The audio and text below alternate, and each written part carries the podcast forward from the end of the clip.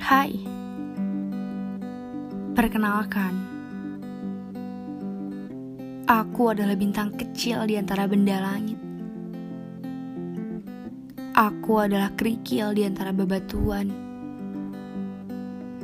dan aku adalah setetes air di antara lautan.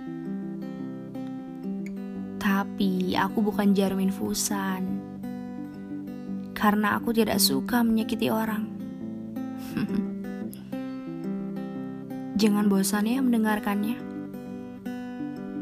Siapa tahu ucapanku cocok untuk menemani perasaanmu saat ini. Entah itu disakiti, dikecewakan, atau bahkan memancing senyuman. Semua orang berhak bahagia. Namun terkadang ada saatnya harus meneteskan air yang berharga. Benar kan? Sampai sini dulu ya. Salam kenal dan salam hangat.